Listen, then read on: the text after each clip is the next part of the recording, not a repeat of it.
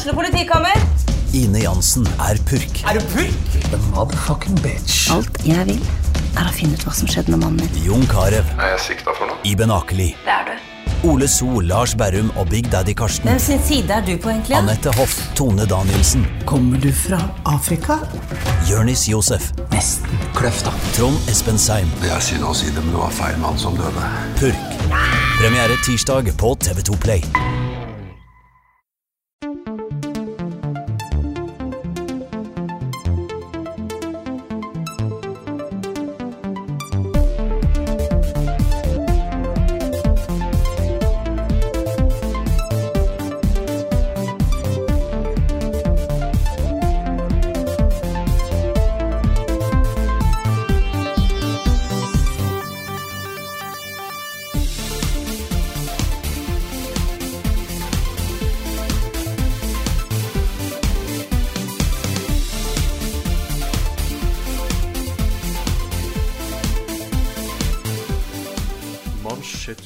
Du kan ikke gå på retrospillmessen. Du står jo der og bare slår blokken. Velkommen, alle sammen, til en ny episode av Level Backup. Jeg tenkte jeg, jeg har et sånt nytt konsept eh, sånn romsterende rundt i, i huet. Litt sånn Frognerfrue slash gamer. Ok. Kunne, det kunne vært litt kult. Ja, jeg bor jo på Frogner, jeg. Ja, Kunne kalt, kalt det sånn der Frogner-frags. Eller annet sånt. Jeg bare ser for meg litt sånne veldig pent kledde, litt sånn Porsche Frogner-folk som bare 'Å, Amadeus, kan du ikke gå og hente den blomstrete kontrollen?' Ikke? Det er, litt sånn Er du litt koselig med det? kanskje? Det er noe der. Det er Ja. et eller annet der. Jeg har lyst til å møte en Frognerfrue-gamer. De fins. Jeg tror de fins. Garantert. Ja. Hvis du er en Frognerfrue-gamer, send oss en mail. Vi koselig. Vi vil gjerne høre fra deg. Det Er koselig å hilse på?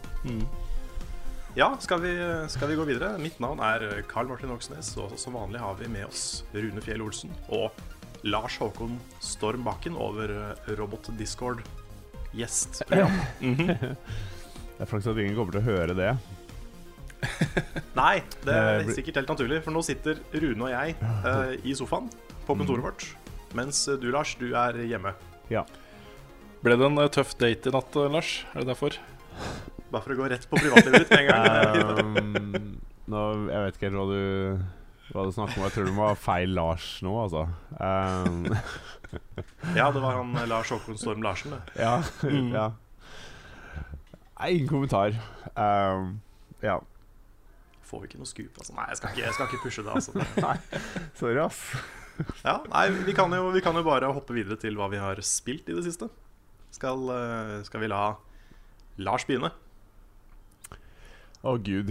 Um, jeg har spilt Uncharted 4. I hvert fall den lille perioden jeg fikk spilt det, før jeg nå har fått spilt det litt igjen. Ja, Har du lyst til å ta en, Um, eh, en oppsummering av historien din igjen? eller? Jeg kan gjøre det veldig kjapt. Jeg um, forhåndsbestilte jo Uncharted 4, men så fikk jeg jo en kopi av uh, PlayStation til Uncharted 4. Så dagen før så plotta jeg inn den, eh, altså på mandag, dagen før releasen. Og så lasta jeg ned og begynte å streame spillet og spilte spillet, og alt var helt fint. Så ble jo da forhåndsbestillinga kansellert, for jeg trengte jo ikke den lenger. Det som skjedde da, var at PlayStation ikke bare sletta forhåndsbestillinga, men de sletta også lisensen på det spillet jeg hadde fått. Um, og veldig lang historie i etterkant så har de eh, med, altså med en god del fram og tilbake med support, hvor de mener at uh, dette spillet ikke uh, kunne fungere på en norsk uh, PCN-konto osv., så, videre, og så, videre, så sitter jeg fortsatt uten Uncharted 4. Så jeg fikk jo låne det til slutt av Rune, heldigvis. Um, men Jeg skal ikke ta den dra den der noe lenger, men gud bedre for et spill! Altså, jeg har ikke kommet lenger enn liksom åtte-ni kapitler, men herregud, jeg er så frelst. Jeg har ikke ord på hvor bra det er så langt.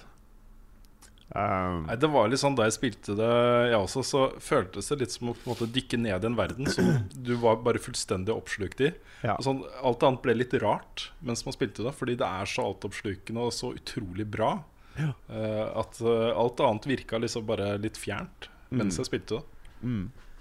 Ja, jeg, jeg skjønner jo at jeg må spille dette her. Jeg har begynt nå. Vi begynte jo å spille en charted igjen på stream. Mm. Og jeg fant ut at det spillet kommer jeg til å slite litt med å komme meg gjennom, siden det er så mye covershooting. Uh, så det jeg har gjort, er at jeg har sett det første spillet på YouTube. Og så skal jeg begynne nå på Uncharted 2. Mm. Så det, det fant jeg ut at det var en eh, i hvert fall litt tidseffektiv måte å prøve å få gjort det på. Mm. Ja.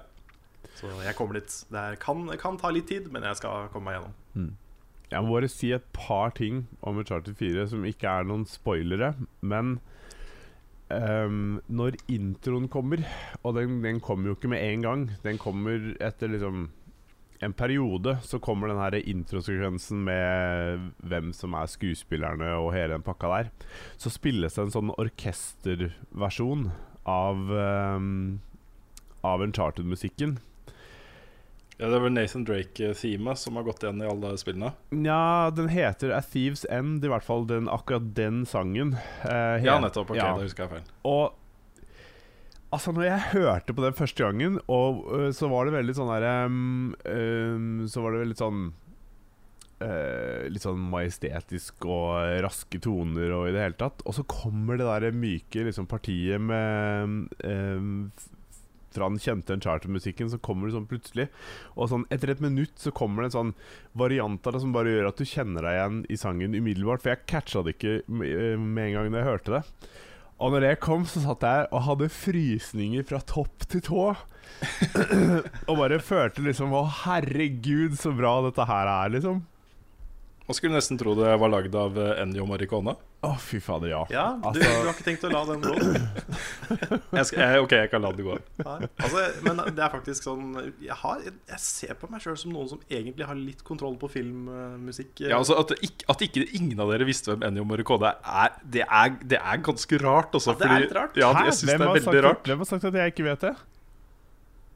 Det var i går som Nei, det, det jeg var, det var Frida, det. Var ikke, det var ikke Lars. Det var Frida, vet du hva. Beklager, Lars, at jeg satt deg i den bossen her. Ja, Jeg har for- hengt deg ut på Twitter, til og med. Ja, fordi Har du det? Fordi jeg Altså, seriøst, jeg har ikke fått meg Men fordi jeg har sett uh, Kill Bill og you name it. Jeg vet veldig godt hvem Ennio Morricone er. Han har også laget okay. musikk til gamle westernfilmer, liksom. Det er sånn Dette Han vet jeg hvem er, ass.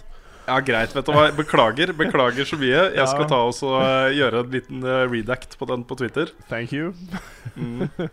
Men uh, da går det utover Frida, da så du får velge selv da om du skal ta den støyten, eller om du får en venn.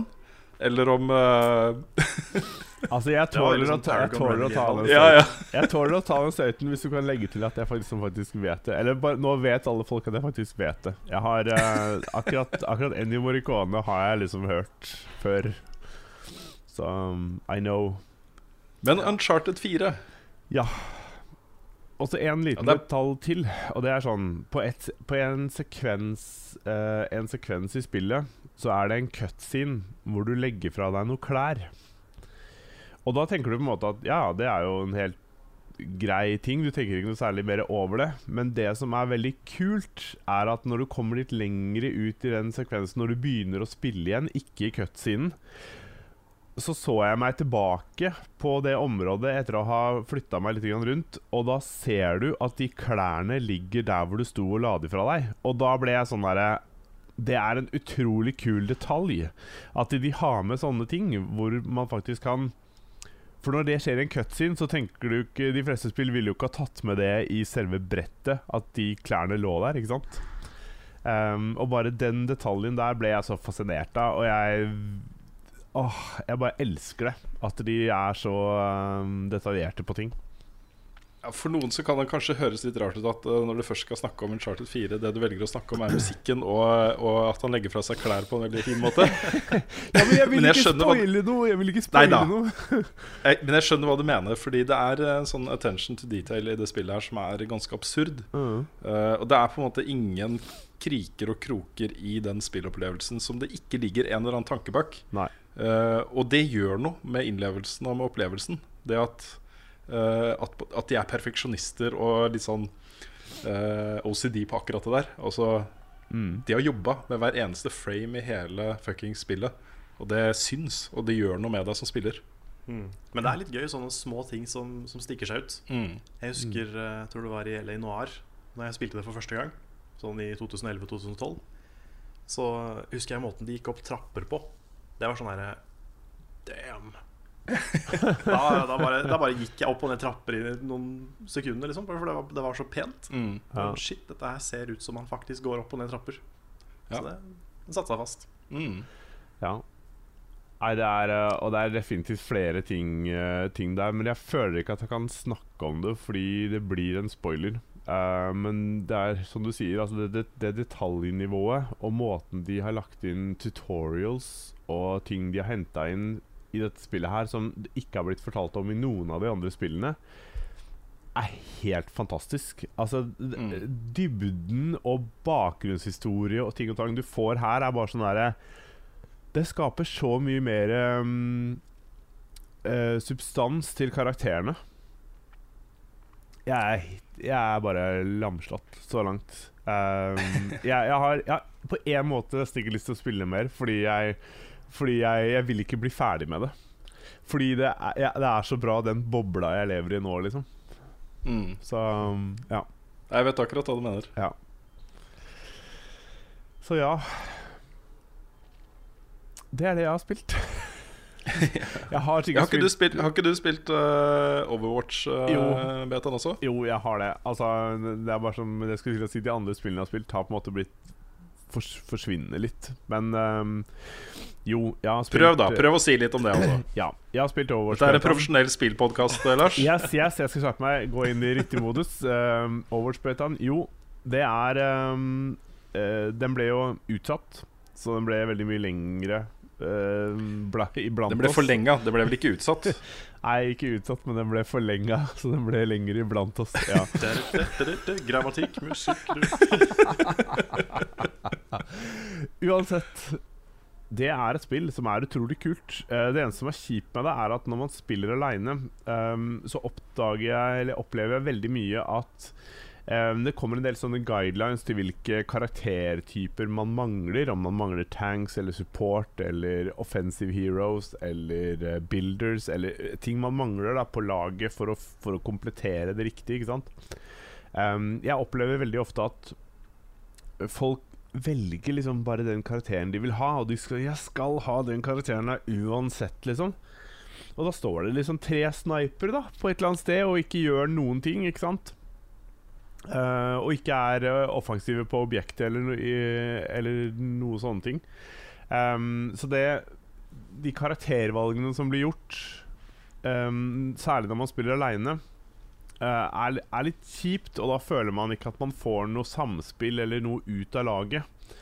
Um, så jeg håper at liksom, de som spiller det, kom, når de kommer litt mer inn i det, at de faktisk skjønner at hvis vi skal vinne og komme noen vei her, så er vi nødt til å ha et, et lag som fungerer sammen, som har en god kombinasjon av de forskjellige karakterene som er i dette spillet her. Um, Folk kommer vel til å, eh, til å lage liksom, eh, egne grupper og lag og sånt. Eh, etter Ja. Jeg har bare lyst til å kommentere en kjapp ting. Hva betyr kompetere, Lars? kompetere. Ja, Nå, du, ass. du sa kompetere. I, I dag så er Rune i sånn der erkegrammatikkmodus. Er du sikker på at ikke hørte feil? For jeg kan, jeg kan sverge på at jeg sa 'komplettere'. ja, kanskje det bare var litt uh, snørr. Jeg skylder på Discord Ja, kanskje det. eller snørr. Det er Discord greit. og snørr. Ja, ok, Uansett, jeg mente 'komplettere'. Ok, Um, unnskyld. Nå sitter Rune her og er helt I'm, I'm panegyrisk. I'm sorry, not sorry. Han er panegyrisk, ja. Mm, Han er helt panegyrisk. ja. Um, Det er feil, feil bruk av ord. Jeg vet det. Det er bare fordi det er veldig feil. OK, men uh, bortsett fra det, så um. Jeg, um, jeg må si at Overwatch er et um, utrolig kult uh, lagspill. Så når vi har spilt uh, med seks stykker, og vi har klart å sette sammen et lag som er en god kombinasjon av de forskjellige karakterene, og vi prøver å gå litt offensivt ut og prøver å hjelpe hverandre, er litt taktiske på hvordan vi gjør det, så er det dritmorsomt. Mm. Nick eh, spurte om han kunne få lage en sånn topp fem karakterer du bør starte med i Overwatch. Ja, Ja. Det er en eh, god video, altså. Det er en veldig bra video. Mm. Så den kommer vel før. Det er 24., tror jeg det lanseres. Det kan stemme. Det er noe sånt, ja. Mm. Nei, det er et uh, lovende spill der, også. Jeg gleder meg til å sette meg inn i det sjøl. Mm. Ja, altså jeg tror jeg faktisk det hadde vært et um, veldig kult spill å ha øh, Å ha et lite level up-lag med. For jeg tror øhm, Jeg tror vi kunne hatt det veldig morsomt med det. Det er, det er kult å jobbe sammen og få ting til å fungere. Men det er et, et stort problem her, da. Ja. Det er jo hva skal man spille det på? Og jeg merker at eh, akkurat det spillet der har jeg mest lyst til å spille på PC. Altså. Ja, hvis du har lyst til å spille sammen mot alle disse her eh, twitcha mm, 16-åringene som har eh, reaksjonsevne utover uh, enhver superhelt, eh, så vær så god, be my guest.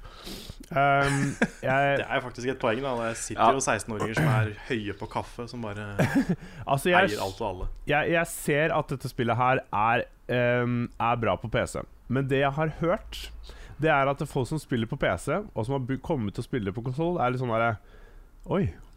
Det er jo akkurat like pent. Det flyter akkurat like bra. Dette spillet her er Du ser liksom ikke noe forskjell om du går fra PC til uh, Xbox One eller PlayStation 4. Det er um, sånn grafikkmessig og sånn, og flyten i det er liksom like bra, da. Så utover, det eneste du har utover det, er selvfølgelig raskere bevegelser og mer presise movements som du har med mus og tastatur. Og det er vel også noen av karakterene som definitivt vil være lettere å spille med mus og tastatur. Det, det, um, det kan jeg se. Men um, når du spiller mot konsollspillere, så spiller du også mot folk som har de samme utgangspunktet som deg, ikke sant? Så For så vidt. Jeg vet det er veldig mange av de litt mer sånn blodseriøse konsollspillerne som sitter med mus og tastatur. Fin, Fins jo måter å gjøre det på. Det gjør det. ja da, det gjør Så det det. syns jeg er, det er ganske juks. Det er på grensen til juks, Men Jeg syns det er um, litt over grensen til juks. kanskje. Men det, det er jo mulig. Altså, det er jo ikke, noe, det er ikke forbudt å gjøre det, på en måte. Nei, Nei. Men jeg syns det, er- det er litt, eh, litt på høyde med å ha sånn turbokontroll. Mm. Ja, jeg, er jo litt, jeg er jo litt enig, da. Jeg er jo det. Ja, fordi den, eh, den blir jo um, Du blir jo lett matcha med spillere som er like gode som deg her. Um, og det fungerer veldig bra så langt. Jeg har ikke møtt noen som er sånn Herregud, det der eh, Her klarer jeg ikke å håndtere i det hele tatt opp situasjonen, liksom. Det, er, det har ikke vært umulig for meg å uh, få til ting mot de vi har spilt mot, da. Så jeg føler at den matchmakinga fungerer ganske bra. Utover det så har jeg ikke øh, spilt noe særlig annet. Nei, Mm. du ser på meg. Skal jeg ta neste? Ja, du kan godt eh, fortsette, Karl. Ja. uh, jeg har ikke spilt på sånn voldsomt på deg. Hæ? Nei, ingenting. Jeg har ikke spilt så voldsomt uh, mye spennende. Men jeg har um, Jeg driver og jobba med et nytt uh, klassikerinnslag. Som, eh, der jeg tenkte jeg skulle prøve å finne alle Disney-spilla i 16-bit. Uh, så fant jeg veldig fort ut at det var insane mange. 360 Jeg har ikke fullt så mye. Det var litt, okay. litt, litt- litt færre. Men det er i hvert fall 20. Så, så da, Nå hørtes det veldig lite ut etter at du sa Men, eh, men det er greit. Det er mange. 20 er mange. Det er mange. Ja. Det er mange spill å spille gjennom. Så, men jeg har begynt, og jeg har funnet ut at det er jo ikke alle som er bra. Veldig mange av de er jo veldig bra, for Disney var jo kongen av plattformspill. Eh, kanskje ikke helt på topp, men nesten på topp i mange år. Før eh, liksom PlayStation og sånn kom. Så jeg tenkte kanskje å dele det opp i to innslag. At jeg tar et innslag som viser alle de bra, og et innslag som er i drittspillspalten, hvor jeg viser alle de dårlige. da så jeg får se om jeg kommer så langt. Men det er jo det er litt jobb, men jeg har lyst til å gjøre det. For jeg spilte jo veldig mye litt sånn classic Disney-spill da jeg var liten. Aladdin og Løvenes konge har jeg tatt før, men eh, diverse Mickey Mouse og Donald-spill. Vi spilte jo det på stream i går òg. Så det er, jeg syns det er litt kos. Det er litt sånn nostalgi. Mm. Så det har Kan- gått mest i det. Og eh, så skal jeg begynne nå på Uncharted 2, da. Nettopp. Kan jeg spørre et spørsmål? Jeg vet ikke om det blir en spoiler til en spalte, men ville du putte 'Løvenes konge' i drittspill-spalte? Nei. Eller? Nei. Ok. Nei, for det Nei, er det, jo jeg syns det er kjempebra. Det er, det er veldig vanskelig, Ja. men jeg syns fortsatt det er bra og veldig pent og veldig gøy å spille. Ja. Og så har du allerede lagd et klassikerinnslag på det. Det har jeg også gjort. Så det er, det er litt for seint å gå tilbake og, og drittspille det nå. Men det er vanskelig. Det er vel det som er eh, utgangspunktet for spørsmålet til Lars. Ja, Ja. Jeg kom jo, jeg runda det ikke i går. Nei. Jeg kom til nest, tredje siste bane. Mm. Tror jeg kom til i går. Riktig. Så jeg kom litt ut i det, men eh, ikke hele veien. Og så, ikke minst, så kommer jo nå Valkyria Chronicles Remastered. Det kommer vel på 17. mai, tror jeg. Ja, da blir det vel at det kommer 18. mai i Norge, tenker jeg. Hvis ikke, altså Kanskje det kommer elektronisk, da. Men Ja. eh, Steam burde vel få det, vel. Ja. Så eh, det, det skal jeg spille og anmelde, mest sannsynlig. Det gleder jeg meg til, for det originalen syns jeg var dritbra. mm. Så det, det blir kos. Tøft, tøft. Så det er meg. Ja.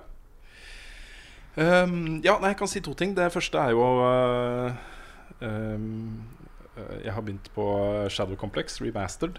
Ja. Ehm, det, det har vært en interessant opplevelse, fordi, øh, fordi øh, jeg spilte jo Jeg jeg skal innrømme at da jeg lagde klassikerinnslaget, så spilte jeg ikke masse av det.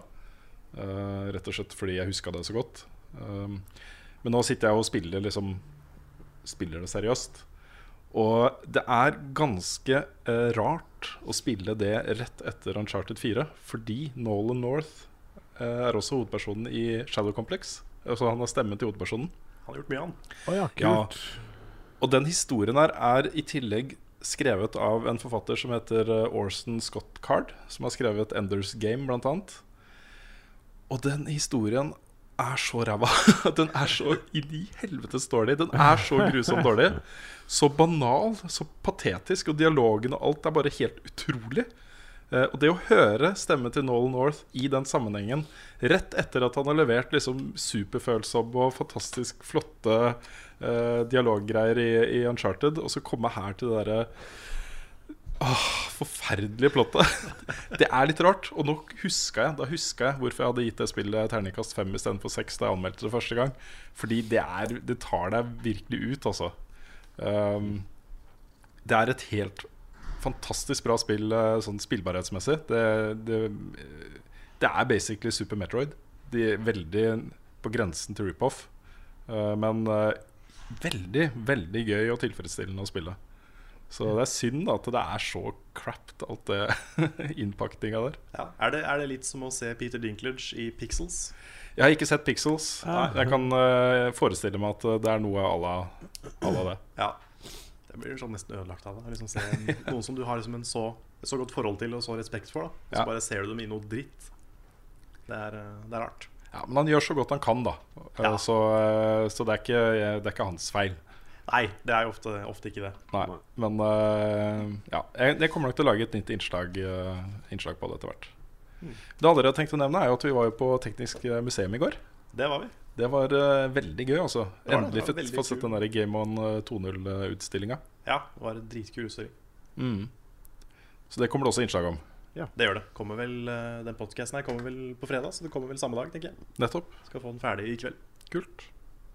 Så det Jeg tror det blir en fin liten reportasje. Mm. Sønnen din var med òg. Sam var med, vet du. Det var Ja, eh, gøy, det. Ja, kjempegøy. Han var jo mer gira på flya enn på spilla.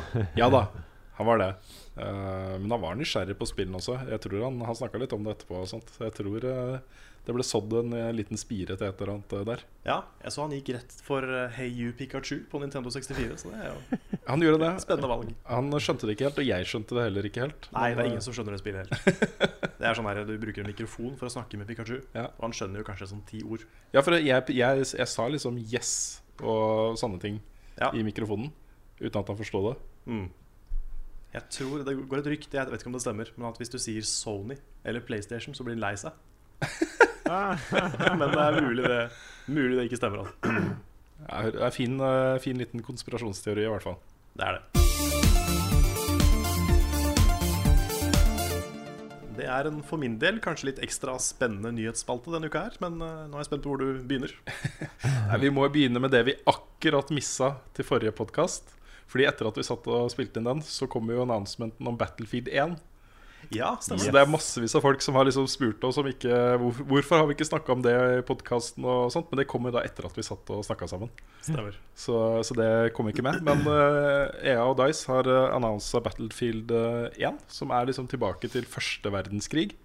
Med en Eh, sånn dude i kappe Med Dude i kappe. Jeg på, tror de, på coveret. ja, for de har, lagt, de har lagd en sånn alternativ eh, reality. da eh, fra, også Det er samme tidsperiode. eh, og Jeg ser også Jeg så en fantastisk post på Imgur, hvor noen hadde tatt eh, eh, studert da, den traileren og funnet fram til alle de ekte våpnene som er brukt. Og det er da våpen fra første verdenskrig. Ja, men er det en alternativ virkelig? Jeg mente det bare var rykte først, og Ja, så Kanskje det var det? ble det motbevist. Ok. Jeg, jeg vet ikke. Det er mulig. Jeg er ikke, jeg er ikke 100 sikker, altså, men jeg tror kanskje det var, viste seg å være feil. Ja, det er godt mulig. Det er godt mulig. Kanskje det var eh, litt den der eh, greia med eh, hvor eh, heftig det så ut, som gjorde at eh, Ja, for det var jo ikke en, altså, det var ikke en heftig krig, sånn sett. Det var egentlig bare en veldig trist og fæl krig. Ja, folk lå bare i skyttergraver og døde, på en måte. Det var jo Ja, ja, sennepsgass og det var det. Du Masse kan jo, kos. Man kan jo se Black Adder sesong fire for å se litt av hvordan det på en måte var. Ja, nettopp. Med litt mer humor, kanskje. Mm. Men eh, de har i hvert fall funnet fram til da, eh, de tingene som, som vil være gøy å spille. F.eks. så kan du sitte liksom i et lite, uh, liten boks på vingene av et fly og med mitraljøse liksom, og skyte. Det så kjempegøy ut. Ja, de, de må jo være litt kreative. Mm. Det er kult, det. Ja. Det er veldig spennende. Vi, vi snakka om det også forrige gang. Da. Det er jo litt spesielt at det kommer rett etterpå. Men det, eh, den første da av Call of Duty og Battlefield som annonsa at vi går tilbake i tid igjen, at det kommer til å få mye oppmerksomhet. Og det gjorde det jo. Ja. Folk er er rimelig hypa etter den uh, traileren her. Også. Ja, jeg ser også at den nye Call of Duty-traileren er oppe i over en million dislikes. ja. Så det, det er et skille der nå, altså. Og det er Ja, vel dislike. mer enn det, tror jeg nå. Ja, det er kanskje enda mer. Det er et par dager siden så så jeg en million. Ja, For dislikes uh, der går jo på at uh, folk er drita sure fordi uh, ikke uh, Call of Duty 4, Modern Warfare, Ja, blir uh, lansert som et eget spill. stemmer. At du må kjøpe Legacy Edition for å, for å få det. Mm. Det er litt morsomt. Jeg så jo den der earnings-callen til Activision. hvor de kommenterte akkurat, akkurat det der. Da. Og det virker, de virker jo litt sånn vindskeive på, på reaksjonene. Um, de uh, kommenterer jo da overfor aksjeeierne i Activision at uh, nei, det er, uh, det er fantastisk flott at vi har så dedikerte og, og, og engasjerte fans. Ja, det er bra at dere er så engasjerte. Ikke sant? så, så jeg vet ikke, jeg også. Um, ofte så er det jo sånn at når gamere rager for et eller annet, så er det ikke så ille. Nei, det har vært en del eksempler på det. Ja, det ble vist et fantastisk uh, skjermbilde fra, fra Steam. Uh, forrige gangen Cod-fansen raga mot et eller annet. Uh, og det var inne da i en gruppe uh, som var oppretta på Steam. som var sånn Vi nekter å spille Cod et eller annet, jeg husker ikke hvem av spillene det var, før Activision og det, det gjør sånn og sånn. Så ser du da alle medlemmene av gruppa, alle sitter og spiller det spillet. Ja.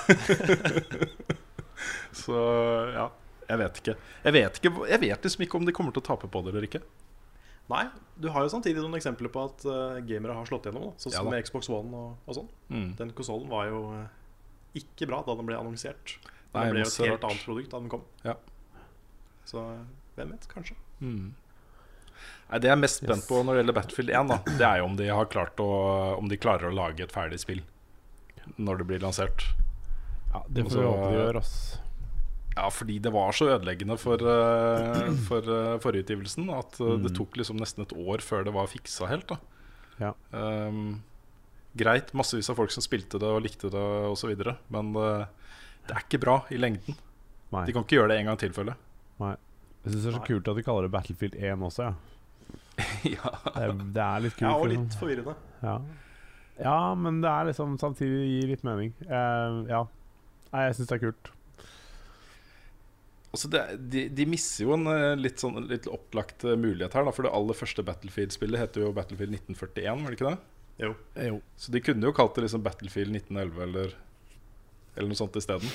For å Ja, jeg syns det ser litt rart ut det med Battlefield 1.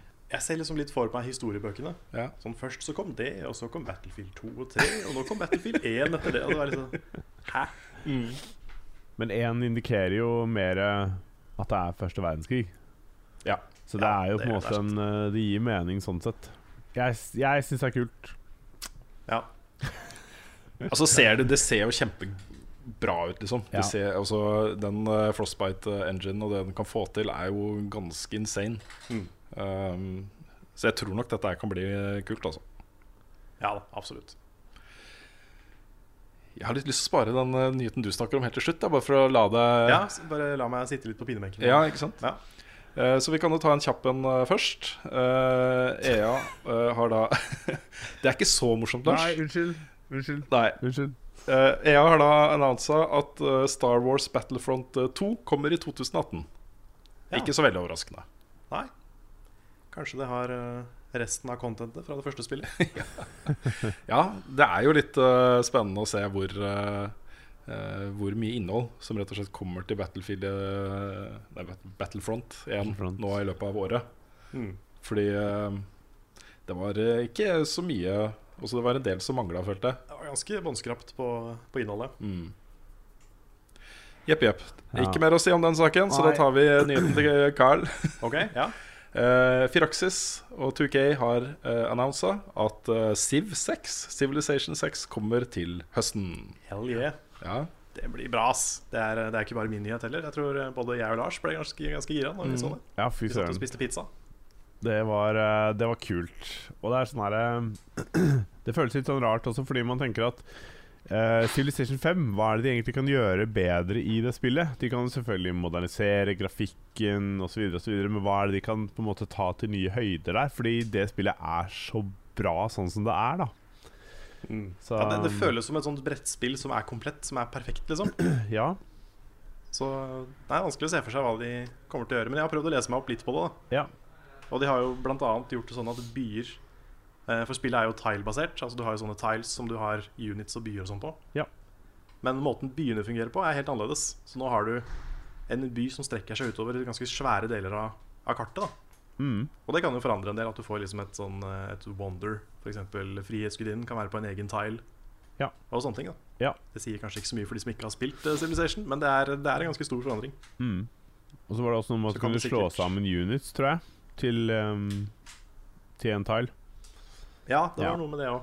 Du kan kombinere ting. Ja. Så det er uh, spennende. De blander visst litt gammelt og litt nytt og diverse. Ja. Så veldig spent. Og så syns jeg den nye grafiske stilen er veldig fin. Åh, jeg skulle akkurat til å si det. Jeg, jeg elsker den. Det ser dritbra ut, og det minner meg om ting eh, fra Settlers og sånn som jeg har eh, Som jeg syns er så bra. Så jeg ble helt solgt på den, eh, det bildet som lå der, altså. Så mm. Ja, det var, det var kjempegøy. Veldig, veldig happy. Yes. Men det er jo én nyhet til.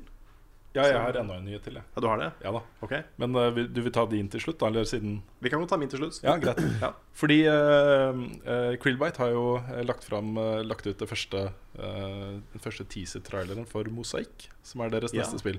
Og det var litt morsomt, fordi det var jo Yokato sjef der, ikke sant? Og jeg fikk jo en presskit i posten hvor det var et slips Oi. med mos Mosaikk-logoen på. Eh, og sånn der Call to Arms. Det var jo veldig sånn proff pressepakke. Sånn som man eh, av og til fikk fra de store internasjonale. Med Du måtte logge deg inn på en egen side for å se teaser-traileren og litt sånne ting. da Ok. Jeg syns det var litt gøy, da. Ja. Jeg forestilte meg liksom Det er jo Kato sannsynligvis som styrer den biten her. Um, men det var litt morsomt at han, eh, han sitter på toppen her og sender ut sånne ting. ja. Sender ut uh, slips og pressepakker. Ja, Slipset var fint, da, så jeg kommer sikkert til å bruke det en eller annen gang. Ja. Men uh, spillet ser råbra ut. Uh, den visuelle stilen i det, tematikken. Og det, jeg elsker at det skiller seg så mye ut fra Among the Sleep. Jeg skulle til å si det, at det er kult at de satser på noe helt annet. Ja, det er kjempegøy.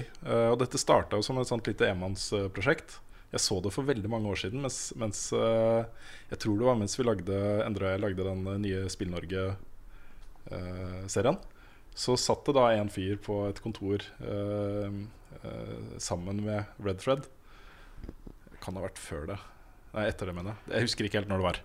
Eh, og han viste meg Han viste meg liksom konseptgreier fra Mosaikk. da Eh, og da var det jo ikke et Krillbite-prosjekt, det var noe han pusla med på fritiden. Og det at det nå blir et sånt kjempeprosjekt fra Krillbite, det er kjempetøft, altså. Hmm. Så det gleder jeg meg til. Ja, det blir spennende. Mm. Skal jeg ta siste nyhet? Ja, gjør det. Det er jo at det har kommet eh, den aller første traileren til Pokémon Sun og Moon. Ja, det stemmer, det. Det er eh, Det var gøy, altså. Mm. Det er jo ofte jeg ikke har I hvert fall de siste generasjonene Så har jeg liksom ikke blitt hypa av en trailer.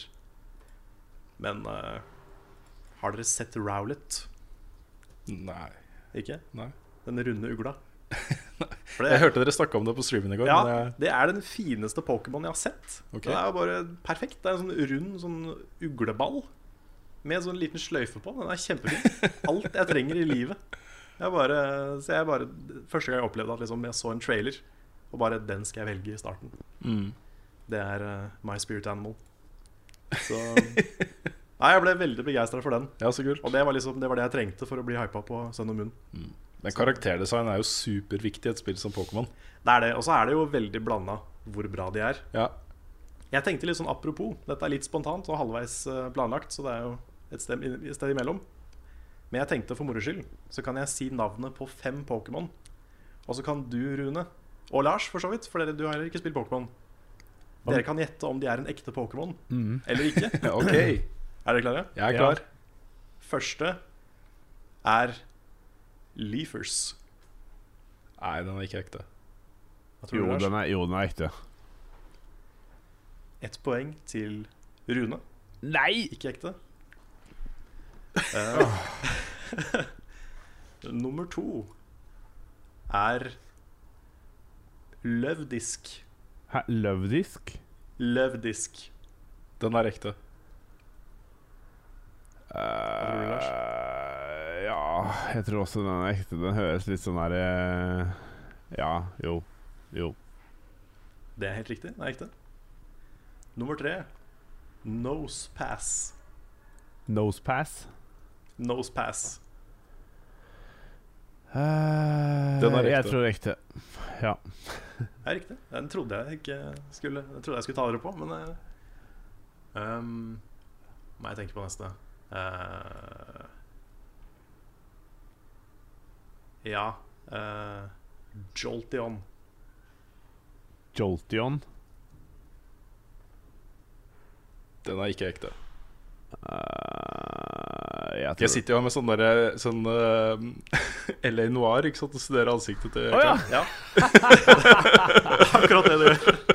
Jeg tror den er ekte. Siden, for jeg, vi må ha en forskjell her, altså. Ja, det er faktisk poeng til Lars. Å nei! Så du, du feila på Elin. Det er uavgjort. Det er det siste avgjørende. Ja, det er det siste avgjørende. Ja, Skal du få lov til å svare først, eh, Lars? OK? okay.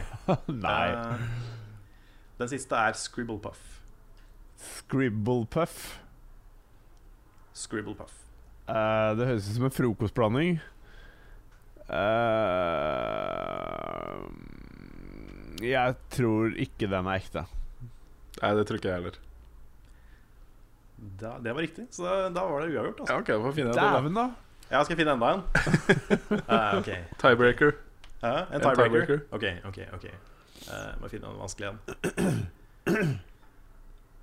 Um, Jeg kunne sittet sånn i hele dag, jeg. ja. ja, det her var litt gøy. Kanskje vi skulle lage en sånn videoserie ut av det? Ja. Rune gjetter Pokémon. Um, Beedrill. Hæ? Bee Beedrill. Bee-drill? Den er ekte. Um, er, det, er, det, er det bi som i bie, eller? Kan du ikke bare si at den er uh, ikke ekte, da, sånn at vi kan avgjøre det her og da? Nei, som i nei. ja. Å, fordi nå, du veit at du har har rett? Nei, jeg vet ikke. Jeg vet, jeg vet ikke. Jeg vet ikke. Vi må gå videre i programmet, Lars. Ta en for teamet. Ja, Greit, den er ikke ekte. Men jeg tror den er ekte. Men jeg sier den ikke er ekte. Ah, ok, det var, eh, det, det, det var et spesielt svar, men eh, da var det Rune som vant. ass Ja, yes! Jeg vant! Jeg vant! Joho! Jeg vant! Greit, Nice. Gratulerer. Jeg slo deg, knuste deg, Lars. Gratulerer. Nå er du klar for Pokémon Sun og Moon. Ja da.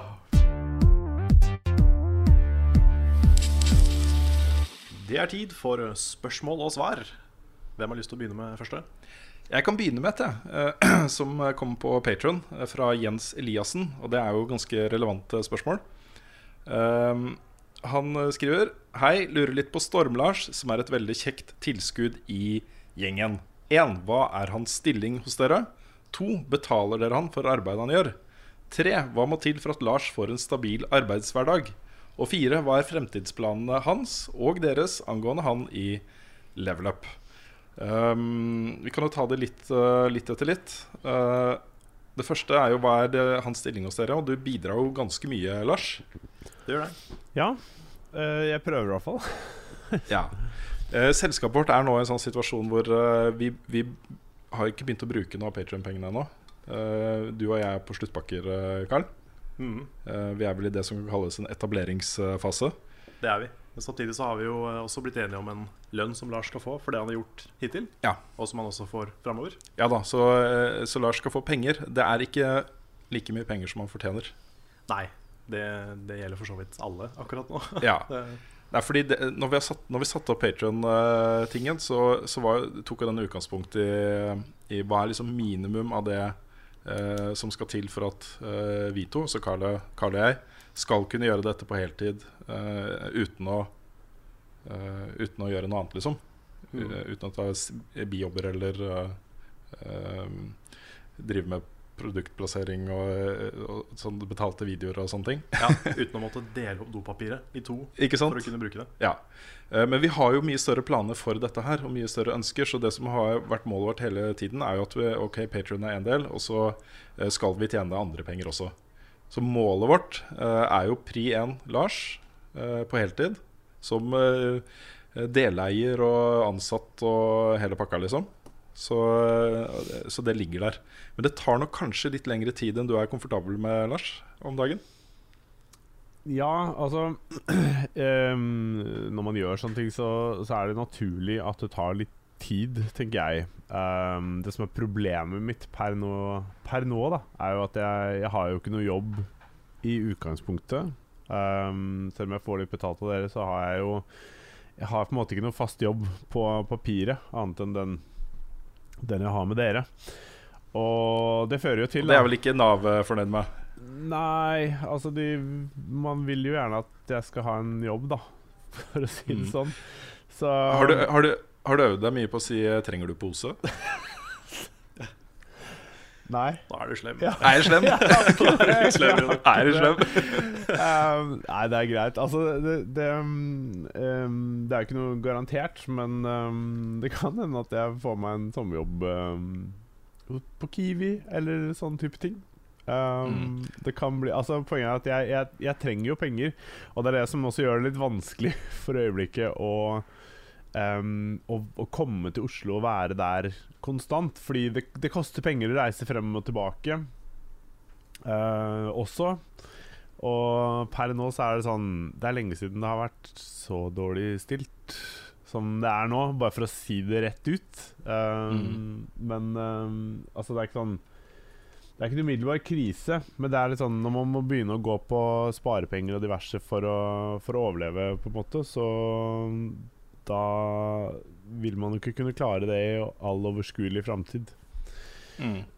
Så Nei, vi, vi har jo et lite sånn kommunikasjonsproblem der også. Fordi eh, vi har jo gått ut med den Patron-tingen og sagt at liksom 10 000 dollar, som vi ikke har nådd ennå Vi har vært veldig nære noen ganger. Eh, det, da er vi i mål, liksom. Eh, og når vi lagde den, så var det jo ikke tanken vår var jo ikke at vi var i mål. Vi, tanken vår var at vi skulle tjene penger på andre ting også.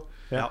Ja, for det, det, vi, det vi skrev på den eh, 10 000 dollars greia, var jo at vi hadde frihet, du og jeg, til Ja. å kunne liksom lage eh, leveløp og leve av det. Mm. Ja, og så var det vel også en greie med at dere hadde en nøktern eh, idé om hvor, dere, hvor det var mulig å komme. Og det var vel ikke sånn at dere satt og trodde at dere kom dit i det hele tatt. Nei, det var det ikke. Så det at man Nei. kom såpass nære, eller at man basically kom dit i utgangspunktet, er, var jo på en måte en, en veldig, veldig, veldig stor gledelig nyhet, på en måte. Så Ja, det var jo det. Men det er jo også uh, vi, vi vet jo fortsatt ikke helt hvor mye penger det er mulig å tjene i et sånt selskap som vårt. Nei. Eh, det er eh, Det er nå engang sånn at uh, de to som sa fra seg liksom gode, faste jobber med fast inntekt og alle de tingene, er jo Carl og meg.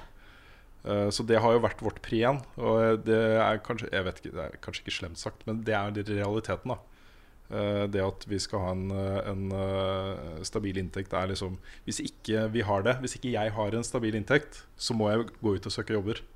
Sånn ja, er det bare. Ja, for det er jo, du er jo i en enda mer spesiell situasjon enn meg, sånn sett, fordi du har jo familie og barn og alt mulig. Ja, Jeg kan jo klare meg på litt mindre. Jeg levde jo på studielån i noen år. Jeg gleder Mm. meg ikke til å gå tilbake til det. Men, eh, men eh, nei. Det er, eh, det er noe med det. Man skal overleve òg. Ja. Men for å, for å eh, ikke bruke altfor lang tid på dette, her da så, så kommer vi ganske snart til å kommunisere liksom utad uh, hva ståa er nå. Hva er status egentlig på inntektene våre og, og selskapet vårt og sånt. Hvor ønsker vi å gå? Hva er målet vårt? Eh, og hva skal til for å komme dit. Mm. Og da er det jo sånn at uh, vi ønsker jo uh, å ansette Lars. Det. Det er jo på en måte det aller viktigste. Ja, og da må vi også ha mer enn de pengene vi får på Patreon nå. Yep. Så da må vi ha noe mer fra et annet sted, eventuelt. Ja, og det kan være alt fra avtaler med andre medier til eh, støtteordninger til eh, Sponsor. sponsor. Det er liksom Det er mange ting vi kan gjøre, da. Mm. Men ja Så, jeg tror ikke det blir lett. Nei, det blir ikke lett, men øh, jeg er veldig hypp på å komme i mål med det, kjenner jeg. Jeg synes, det, alt hadde jo blitt bedre at vi kunne, både for, for deg, Lars, og for oss, og for, for alle, Mm. hadde jo det å være tre personer som Ja. jobber med dette her fulltid, Mm. det er, hadde, vært, det hadde vært kjempebra. Det har vært dritkult. Og så syns jeg det er veldig interessant. Uh, nå driver liksom alle de store mediehusene i Norge og snakker om at fremtiden uh, for uh, nyhetsformidling på, på nett er brukerbetaling, abonnementsløsninger og mikrotransaksjoner på, på innhold. Og Hadde det bare fantes en, en skikkelig god spillsatsing som brukere er villige til å betale penger for å få med seg, altså. Hadde det bare fantes det. Tenk om. Tenk om! Og tenk om noen fantes som kanskje kunne sponsa noe sånt. Ja, ikke sant? Neida, så jeg eh, Jeg er ganske optimistisk på fremtida vår. Jeg tror at eh, hvis vi fortsetter eh, den utviklinga vi har hatt nå, eh, og fortsetter å lage bra ting, liksom, så er det ikke utenkelig at, eh, at eh, noen kan se en kommersiell eh, interesse i en sånn satsing som vår. Nei, det, det har- Fordi, altså, på, håper hør rett. Det er 1000 mennesker som backer oss på Patreon, cirka. Og det er, jeg vet det er mange flere enn 1000 mennesker som kunne vært interessert i å betale en liten slant i måneden for å, for å se det vi gjør, altså. Det er jeg ganske sikker på. Mm. Så det, det er et potensial her som eh, Som hadde gjort at vi kunne ansatt uh, Lars og gitt uh, grei betaling til Nick og Frida og Svendsen og de andre, liksom. Ja, kan jo nevne det at de også får betalt, men det også er jo mindre enn det de fortjener. Det er helt riktig. Det er på en måte um, Det skal ikke som Altså hvis hver og enkelt betaler liksom én dollar da, i måneden, som er Hvor mye er det? Åtte kroner? Eh, Så er det sikkert en god del som vil være villige til å betale åtte kroner for å få et veldig veldig bra um, spillsatsingsinnhold på YouTube og i det hele tatt. Og det er sånn Du skal ikke opp i så veldig Veldig mange før det blir uh, store summer av det. Mm, det er sant? helt sant. Så, det, så potensialet er jo helt garantert der, liksom. Mm. Ja, vi kan, jo, vi kan jo eh, bevege oss litt vekk fra, fra selskapsprat til uh, Ja. spillprat uh, igjen. Jeg har fått et spørsmål fra Mariell Alien. Sier at jeg får ofte lyst til å spille gamle spill som jeg ikke får tak i lenger. Som f.eks. det gamle X-File-spillet, som hadde en slags metode som Telltale-spill har nå. Du fikk forskjellige utfall på forskjellige ting du sa, etc. Har dere noen sånne spill dere savner og ikke får tak i igjen? Hvilke? Ja Eh, Det X-Files-spillet hun snakker om, tror jeg at jeg husker. For det tror jeg jeg spilte på PC sjøl. jeg mener å huske at det var ganske bra òg. Jeg har sett litt av det. Jeg har aldri spilt det sjøl. Eh, sett noen cutscenes og sånt. Var ikke det sånn live action med skuespillerne og full pakke? Jo, det var det. Um, ja. Ja, kult. Jeg har et eksempel, jeg, da. Ja. På spill som jeg ikke får tak i. Det er eh, Backpacker Junior. Det høres kanskje litt trist ut, men det var liksom Jeg spilte det så mye da jeg var liten, ja. og det har jeg ikke fått til å funke. Jeg har ikke funnet det, siden det var, det var jo på norsk. Så du finner jo, det er ikke så lett å finne det på internett. Nei. Um, jeg har sett at biblioteket i Tønsberg har det. Men jeg har liksom ikke turt å spørre om jeg kan låne det. Og i tillegg så, i tillegg så er det liksom Windows 95. Så det, jeg vet ikke om det er hvor jeg skal begynne for å få det til å funke på Windows 7, 8 Eller 10, hvis jeg blir tvinget til å få det. Så Nei, jeg vet ikke helt hvordan jeg skal få tak i det. Ja. Men eh, det, det savner jeg. Det var gøy. Du kunne lage egne byer. Så eh, vi lagde jo liksom Prompeby og Puppeby og sånn. Så ja, ja, ja. det var gøy, det. Jeg var tolv. Ja, men det er fortsatt gøy. Ja, det er fortsatt litt. Jeg hadde sikkert laga Prompeby igjen. Ja. Mest sannsynlig. ja ikke sant? Skulle la- lage sånn paint-tegninger som de importerte til spørsmål. Så det var sånn Hvor mange promp er promp? Og så var spørsmålet promp, promp, promp og promp! Svaret på det da, er kjempegøy. Klassisk. Det hadde, blitt et, hadde jeg fått tak i det, så hadde det blitt et eh, klassikerinnslag. Jeg husker du har snakka om det før, faktisk. Ja.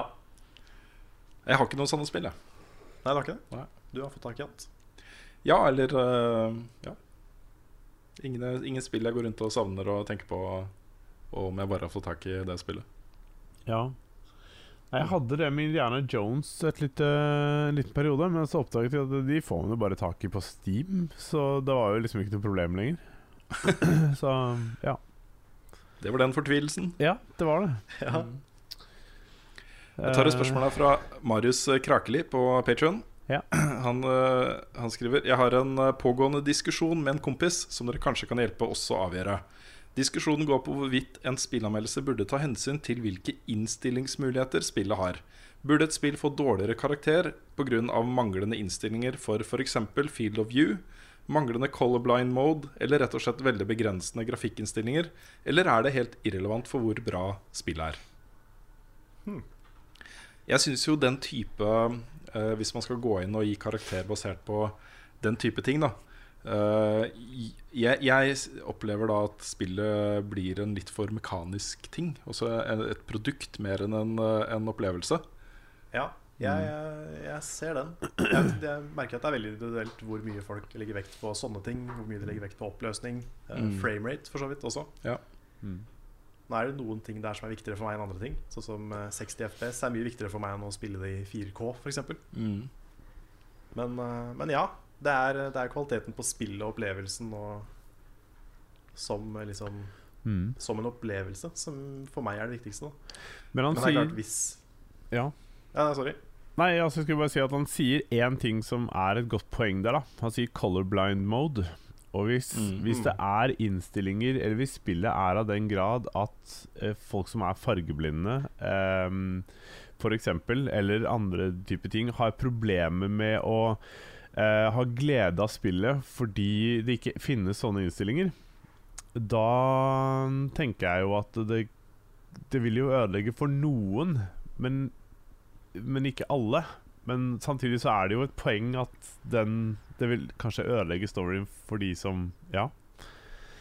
Jeg, jeg vet ikke. Altså, jeg syns den type informasjon er veldig relevant å ha med uh, som liksom info om et spill. Mm, Uh, sånn at Er du fargeblind, da, uh, så bør du, bør du jo få den informasjonen. mm, og det kan godt tenkes at vi har et slags ansvar for å påpeke den type ting også, i, i en eller annen form. da mm, Um, jeg syns det er vanskelig å gjøre det inn i en vanlig anmeldelse. Der uh, snakker jeg mye om hva dette spillet får meg til å føle, og uh, hvordan jeg opplever det personlig, og den type ting. Ja. Hvis jeg skal begynne å uh, ha en lang liste med, med ting, også hvor mange frames i sekundet spill kjører i, og osv., så sånn lang liste med, med greier, så, så blir det noe annet enn en anmeldelse, føler jeg.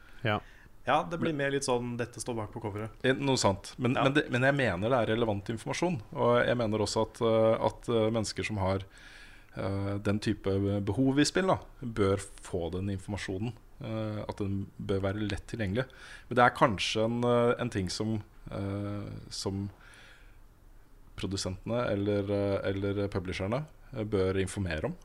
Fordi folk vet jo at det fins fargeblinde mennesker rundt omkring i verden. Og det er ikke så vanskelig å teste om et spill er spillbart for fargeblinde eller ikke, f.eks. Nei, sant. Og så har det jo vært tilfeller hvor, eh, hvor utviklere eller utgivere rett og slett har prøvd å lure folk. Uh, F.eks. med Batman Arkham Knight, som ble vist i trailerne med, med footage som var speeda opp for å få det til å se ut som det var 60 frames på PC, som det ikke var. Og da er det jo veldig viktig å påpeke det. Ja. Og så fins det jo litt sånne ekstreme eksempler. Så for eksempel hvis du lanserer et PC-spill, og så er det i 720P. Det er på en måte ikke helt innafor lenger. Hvis ikke det er et veldig lite retrotype indiespill, f.eks. Mm.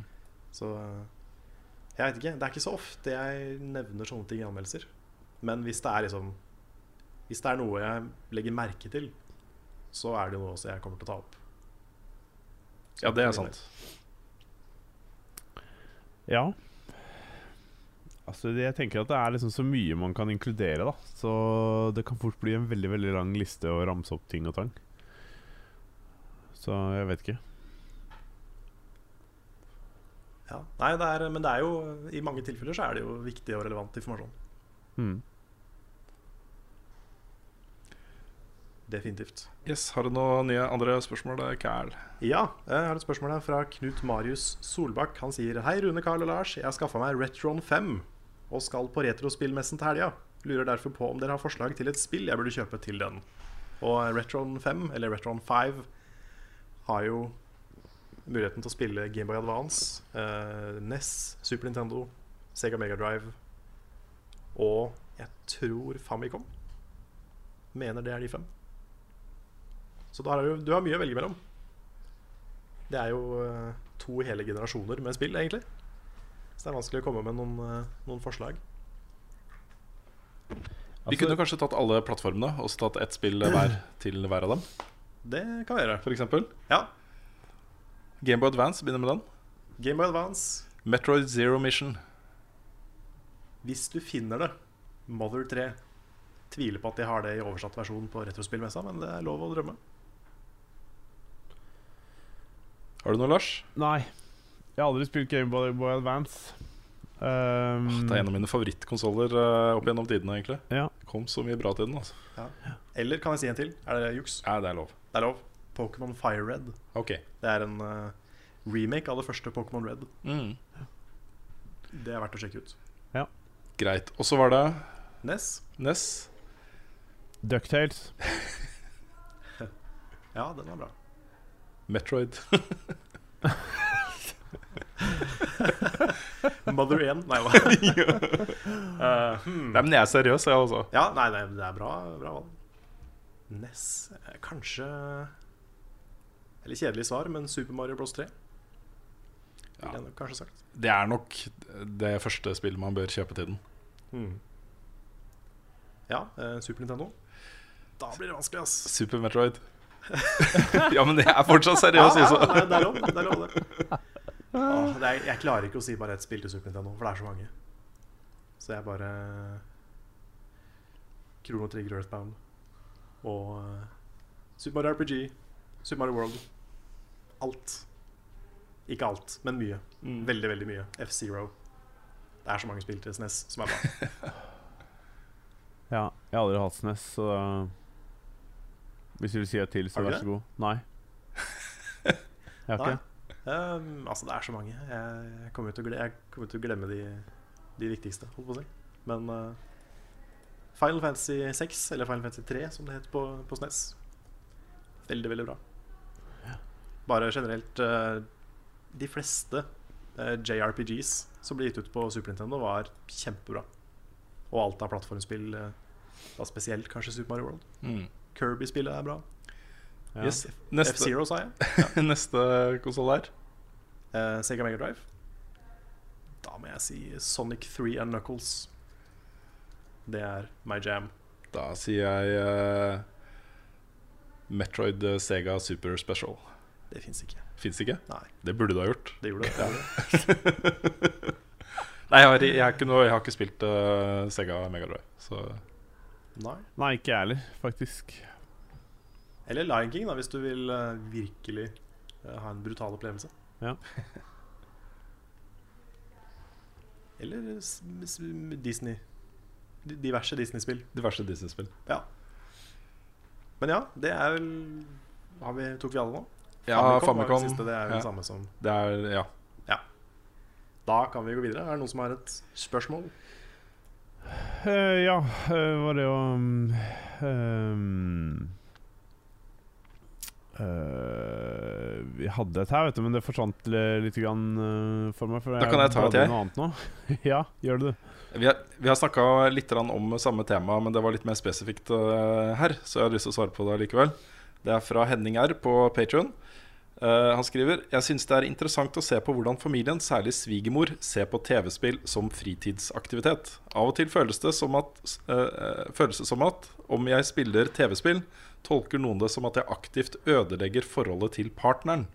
Å ha TV-spill som hobby er liksom en risikosport når man er i et forhold. Er dette unikt for TV-spill? Jeg tror de fleste Hva skjer her? Er, det ikke. Er dette unikt for TV-spill? Jeg tror de fleste har forståelse for uh, at man må reparere veteranbil, ordne i hagen eller se en fotballkamp. Om du må spille det nye spillet på lanseringsdagen, kan mange se rødt. Kjenner dere noen gang på dette? Den går særlig til deg, Rune, som har barn med i ligningen. Skal jeg begynne å svare? Gjør det. Eh, jeg er i en veldig heldig situasjon, fordi, eh, fordi jeg var jo liksom spillrune uh, da jeg møtte kona. Eh, og det, det har vært jobben min hele tiden mens vi har vært eh, kjærester og så gift. Eh, så hun forstår jo hvilken plass spill har i livet mitt.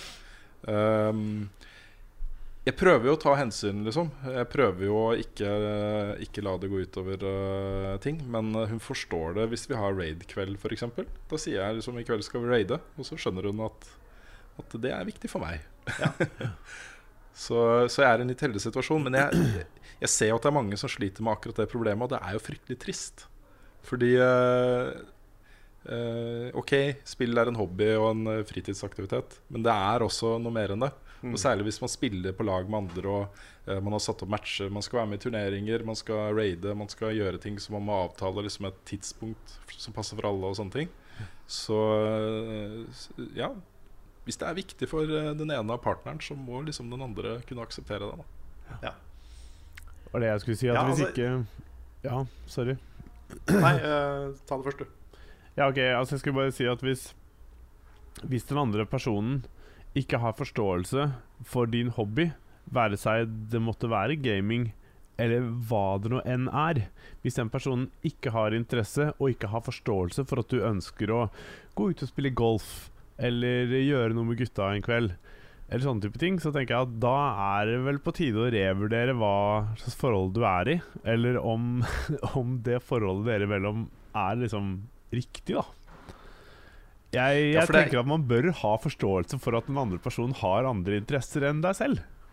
Ja, men det er, jeg, jeg, føler at mange eh, ikke ser på spill som en del av den greia der. Ja, At de holder det utenfor og er på en måte ekstra kritiske til, eh, til at partneren spiller, enn en om det er andre ting. Og det var litt poenget til eh, Ja, ja da, men da, det, det, det ligger jo i gamle fordommer, føler jeg, da, for gaming. Mm. Eh, så kan man tenke seg liksom Er det bedre at du sitter og ser på Hotel Cæsar, Hotel Paradise og hva det nå enn måtte være, en hel, en hel kveld på TV, liksom? Ja, for jeg skulle til å si det, for det er jo eh, Altså, de, de fordommene er jo på vei ut. Vi har jo Ja. Nerdene har jo på mange måter tatt over verden nå. Med alle de populære TV-seriene og alle de populære tingene er jo sånn typiske nerdeting. Mm. Det er superhelter og sci-fi og fantasy og Det er overalt, liksom. Men det er jo noen da, som fortsatt har de fordommene. Og jeg har møtt en del av de, og det er ofte sånn Det er jo ofte de samme som sitter en hel dag og ser på sånn ordentlig søppel på MTV, ikke sant? Og hvordan er det bedre, liksom? Mm. Man blir litt frustrert. Jeg skjønner jo at det er frustrerende og kjipt.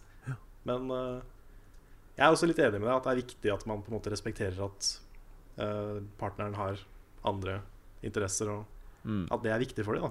Mm. Og det er jo, hvis, hvis gaming ikke faller under det, så er det veldig synd. Veldig kjipt. Ja. jeg er også litt som eh, Rune, at jeg er veldig heldig. Jeg kan jo snu meg vekk i fem sekunder, og så snur jeg meg tilbake, og så sitter Kristine litt sånn skyldig og nispiller Pokémon. Så sånn sett er vi en veldig bra match. mm. Så nei, jeg, jeg er heldig på det. Bli som oss, da. Det er svar på spørsmålet. Ja. Eh, Skaff deg kjærester som våre kjærester, så skal du se det ordner seg. Skaff deg kjærester som, eh, som respekterer eh, alt. Ja. Kanskje ikke alt. Det kommer litt an på hva alt er. Nei, men det, det å være i et parforhold, uh, det er jo litt sånn uh, Gi og ta. Ikke sant? Du kan jo ikke Nå, nå må, jeg, må jeg innrømme at uh, i den situasjonen jeg er i nå, med små barn og sånt, så bruker jeg spillet litt som mitt fristed. Og uh, syns det er utrolig behagelig etter å ha liksom kjempa mot uh, to standhaftige unger i noen timer før de skal legge seg og sånt. Det å sette meg ned og spille da, det er litt sånn terapi for meg. Uh, sånt fristed. Så det, det kan hende at jeg kanskje spiller litt, litt vel mye på fritiden. Men, uh, men sånn i utgangspunktet da, så, så bør det jo være sånn at ok, for det første, jeg får friheten til å gjøre det. Eh, selvfølgelig får kona mi friheten til å gjøre de tingene hun har lyst til å gjøre på, på kveldene. Uh, og så bør man jo prøve å få gjort ting litt sammen også. Hmm. gjøre noe husarbeid og sånne ting først, kanskje. Og ikke, Ja. ikke la det gå utover barnepass og Det kan være lurt, så kanskje ikke la det gå på bekostning av uh, Dere kan gjøre en konkurranse ut av det. Så kan dere, kan dere spille om hvem som skal gjøre de forskjellige husarbeidstingene. Hæ? Ja, for da hadde jeg vunnet hele tiden! Yes, jeg hadde knust henne! Ikke sant? Ta sånn Tekken og liksom. Ja. Altså Åh, Nei, vi kan ikke begynne å spørre. Men uh, ja. Men det, det er en ting kan- kan jeg, kan jeg stille et spørsmål, Rune? ja. Fordi uh, jeg har lurt litt på det sånn For kona di er jo ikke gamer. Men har det hendt at du har sittet og spilt, og kona di har satt seg og liksom tenkt Oi, dette her var litt kult? Eh, sånn, ikke, ikke direkte. Hun har jo sett mye av de videoene vi har lagd. Og sånne ting Ja, for hun ser jo litt på level up. Ja da. Uh, og uh, hun Jeg tror hun bare rett og slett ikke eh, er interessert. Men hun har liksom full aksept for at jeg er det, og for Ja. at det fins mennesker som er det. Så jeg har liksom prøvd meg noen ganger. Jeg hadde lyst til å spille Uncharted 4 med det. Ja. Så jeg sa det liksom Jeg har lyst til å spille Uncharted 4 med det. Så sa hun nei. Nei. Men det er, jo, det er jo fordi nå på kveldene Det kona har lyst til å gjøre, er jo å lese avisene som hun ikke har rukket å lese, og kan lese bok og uh, se på nyhetene og sånne ting, liksom. Så hun prioriterer eh, tiden sin sånn. ja. Det er jo helt fair, det. Ikke sant? Fant du spørsmålet ditt, eh, Lars? Uh, ja, det gjorde jeg. Det er um, Det er egentlig to stykker som har stilt uh, spørsmål. Vi har snakka litt om Overwatch tidligere, men det er Daniel Alexander Johnsen som spør for de dere som har spilt Overwatch, hva er favoritt-heroen, og hvem vi liker minst? Og så er det også Helene Wu som har spurt Har dere spilt litt av Overwatch-betaen. Fått, fått byen inntrykk Fått, fått mye inntrykk, skal det sikkert stå. Jeg måtte bare prøve å tolke hva som skal stå der. Det er sikkert noe autokorrekt ute og går. Um, jeg vil bare si uh, svare kjapt for det, for jeg antar at jeg er den eneste som har spilt det. Um, Det det. Min desiderte favoritt er support healer class um, Senjata. Det er en sånn healer-fyr som kan heale og kaste baller på folk og sånne ting. Veldig kul! Han tåler lite, men er utrolig fet. Uh, andre er vel um, Er vel Genji. Eh, som er en sånn ninjakar. Syns jeg også er utrolig kult. Uh, utrolig kul. Den jeg liker desidert minst, det er Reaper. Og det er fordi at han er så utrolig slitsom å spille mot. Kommer bare lobbende inn, teleporterende inn med to shotguns og bare plaffer deg ned. Liker ikke. Så ja. Det var uh, mine svar på, på det. Kort og greit. Bra svar. Mhm. Bra jobba, Lars. Ja, takk. Eh, skal jeg ta neste? Yes. Gjør det. Det er fra Mats Christian Lissner. Han eh, sier grinding er utrolig kjedelig i de aller fleste spill, men har det vært i noen spill dere faktisk har kost dere med å gjøre det? Jeg koser meg med grindinga i Destiny. Ja. Jeg gjør faktisk det, altså. Uh, særlig nå, fordi de har endra på Du får mye mer reputation av å, av å gjøre sånne grindeting. Så du kommer liksom til en eh, som regel en ganske bra reward da, etter ganske kort tid. Eh, og så er det litt sånn Litt sånn kos. Jeg pleier å sette på eh, bra musikk eller en podkast og sitter og slapper av liksom med å gjøre ting som er nødvendig da for karakterene karakteren min eh, trenger det, liksom. Eh, men som allikevel oppleves som litt sånn av, avslappende og behagelig. Ja. Jeg tror For meg så er det kanskje Kingdom Hearts 2. Jeg tror det er noe med at uh, når du dreper fiender i det spillet, så popper de som en sånn der gaveball. med sånne reine penger og health og items og sånne ting. Da. Og det er litt sånn Det er litt digg. Bare samle inn stæsj. Så jeg tror kanskje jeg må si det. Jeg har en til også. Uh, Ratchet and Clank, det aller første. Hvor uh, vi hadde Jeg spilte med søstera mi, og vi hadde kommet igjennom. Og så uh, Eller ikke nest, vi var ikke helt igjennom, vi var nesten helt igjennom. Uh, og så skulle vi Det eneste vi mangla, det var å kjøpe Rhino. eh, som er liksom det ultimate våpenet i det spillet. Eh, Rhino står for Rip You a New One. Og den kosta Jeg husker ikke hvor mange bolts det var, men det var ekstremt mange. Og ekstremt mange flere enn det vi hadde. Så da måtte vi bare gå rundt og grinde bolts, og det gjorde vi timevis for å kjøpe det våpenet. Og det, det var gøy, altså. Det var kjempemorsomt. Og det å få det våpenet til slutt da, Det føltes bare så konge. Mm. Ja. altså, jeg har ikke Har du noe, noe, Lars? ja, Jeg vet ikke om jeg har noe bedre svar. Det, er, mm, jeg har også faktisk kost meg litt med I hvert fall med det meste av grindinga i Destiny. Um, ellers så har det jo vært uh, andre sånne RPG-lignende spill hvor jeg har kost meg, kost meg med den grindinga for å få de powerne som skal uh, til. Um, Enespillserien hvor jeg har gjort det, er jo, den, er jo Infamous. Der er det litt grinding som må til for å få liksom alle de Alle de powerne du Eller de, de, de beste powerne, da. Uh, og det syns jeg var kult. Det var en uh, Særlig Infamous uh, 2 var det vel, hvor um, Hvor jeg brukte masse tid på det. Så ja. That's my answer. And I'm sticking to it.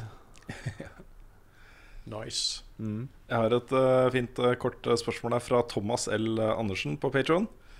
Hvis dere måtte velge resten av livet, aldri mer drikke cola eller aldri mer drikke en kald pils?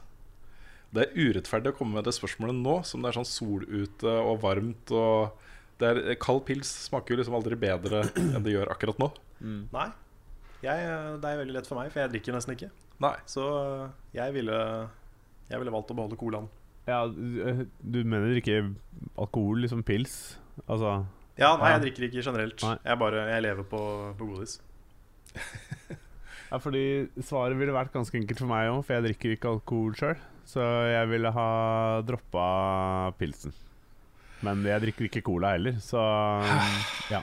Det er spørsmål til Rune, dette. Er det spørsmål til meg, ja? Jeg tror det. ja for meg det, det er ikke noe lett valg, men jeg, jeg tror jeg hadde sagt fra meg colaen. Ja, det hadde. Ja, rett og slett fordi eh, det hadde ikke gjort noe om jeg slutta å drikke cola. Det hadde egentlig bare vært bra for meg. Ja. Men det, det tenker jeg også litt. Jeg prøver jo å tenke, begynne å tenke litt sunnere. Og ikke Mm. nødvendigvis spise så mye sunnere. I vært å begynne å tenke litt sunnere. Ja. Det er første skritt. Det er et sted å starte. Ja, så Bootcamp. det, er ikke, det er ikke så dumt. Ja, Men jeg må si at uh, også når du har skikkelig lyst på en cola Så du, du går rundt og kjenner det på den som har kanskje gjort det et par timer, og så får satt deg ned med en skikkelig kald og god cola. Det er, liksom, det er nesten ingenting som smaker bedre enn det. Det eneste som smaker bedre enn det, er eh, på en varm dag på en utekafé sette seg ned med en skikkelig kald eh, og god pils. Det er det eneste som er litt bedre. Så jeg, jeg velger nok eh, pilsen. Ja. Gjør det, altså. Jeg skal innrømme at Så alle, alle er dere 12-13-åringer som uh, hører på nå, uh, er det bare å sette i gang. Ja, men de blir, eh, de blir 18 en gang, de òg, så de får jo muligheten. Ja, de gjør da, det. Ikke sant? Ja. Ja, Det er bare å glede seg til dere blir 18. Ja, ehm, Pål Hagevik han spør Har dere spilt et spill som har vært psykisk utmattende pga. intensiteten i gameplayet. Massevis. Massevis. Uh, Ikagra, for eksempel, på GameCube. Uh, også den type spill. da, Shmups, egentlig. Uh, der sitter jeg alltid og er bare sånn ekstremt innbitt, intenst opptatt av det som skjer på skjermen. For du må være så konsentrert. ikke sant? Du kan jo nesten ikke blunke engang. Så eh, særlig smups. Ja. Jeg tror det mest intense for min del var eh, den, eh, den første Souls-opplevelsen min. Det var Dark Souls 2, som jeg spilte først. Og jeg syns fortsatt det spillet er det vanskeligste i serien. Der er det bosser som jeg bare nesten ikke fikser. Men det var sånn Det var nesten på grensen til ikke bra for meg. Jeg liksom bare Jeg spilte og spilte og spilte, og så er det så vanskelig hele veien. Og så dauer du og mister en del progress. Så da, da var jeg Jeg blir liksom ikke sinna, men jeg blir så utmatta av det. Så jeg måtte jo gå og slappe av etterpå. Men uh, nå er jo de spilla bare meditasjon, liksom. Men Mm. uh, første gangen så var det, det var hardt. Ja, Er det snakk om intense spillopplevelser? Jeg, jeg mista litt når du leste spørsmålet. Um, Ja, så jeg prøvde eh, å catche intense, sånn, intenst gameplay, liksom. Ja. Um, for jeg er veldig enig i så fall i um, i spesielt Dark Souls Jeg sleit mye med Bloodborne også, men når jeg kom over en sånn kneik i Bloodborne som, som bare tok noen timer, så satt liksom Så satt det. Men i Dark Souls så gjør det ikke det. Fordi der er det sånn Der, der har liksom måttet gå lenger og lenger og lenger og lenger, og lenger for å kunne få til noe i det hele tatt. Jeg um, sleit veldig med det spillet, altså. Og sliter fortsatt Ja, med det. det, er en, det er en kneik i, i Dark Souls også. Altså. Den er, bare, den er litt annerledes enn i Bloodborne. Ja, det- Du må spille litt annerledes. Ja, den er veldig annerledes i så fall. Den er, det, har, det har vært sinna. Så mm.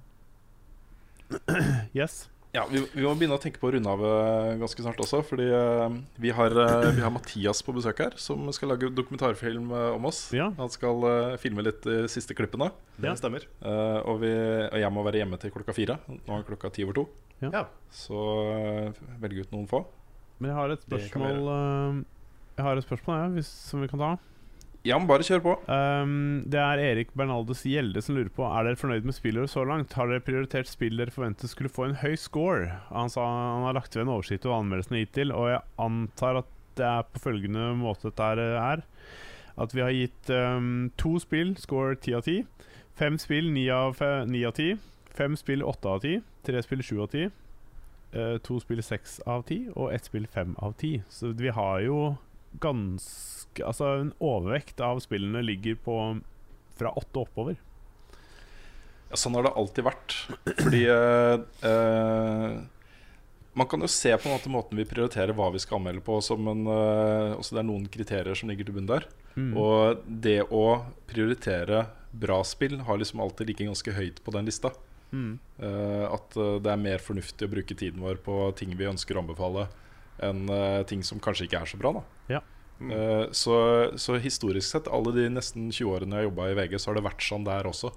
Uh, man kan ikke bruke noen Hva heter den der i kurven? det er en sånn kurve som sier at det skal være like mange enere som seksere. Ja, sånn, ja. Ja, ok. Ja. Uansett, da, eh, så har det vært, alltid vært en mye større overvekt av firere, femmere og seksere enn en enere, toere, treere. Mm. Eh, og sånn vil nok være her også. Vi kommer nok til å bruke mer tid på ting vi syns er bra. Eh, nå er det sånn at vi ofte også tester ting som ender opp med å ikke bli anmeldt, kanskje fordi det ikke er så interessant. ja, det er også noe med at vi, vi lager jo video, og det tar mye tid. Så hvis vi skal bruke en uke på å lage et langt innslag om et spill som ikke er noe bra, så det har kanskje en mindre verdi da, enn å bruke den tida på noe som er verdt å trekke fram. Mm. Mm. Men så har han jo også et poeng. Jeg er litt stressa over at eh, det er to ti av ti, og det er jeg som har gitt begge to. Ja, det er det. Eh, jeg føler jo eh, med hele meg at både Uncharted 4 og The Witness fortjener ti av ti.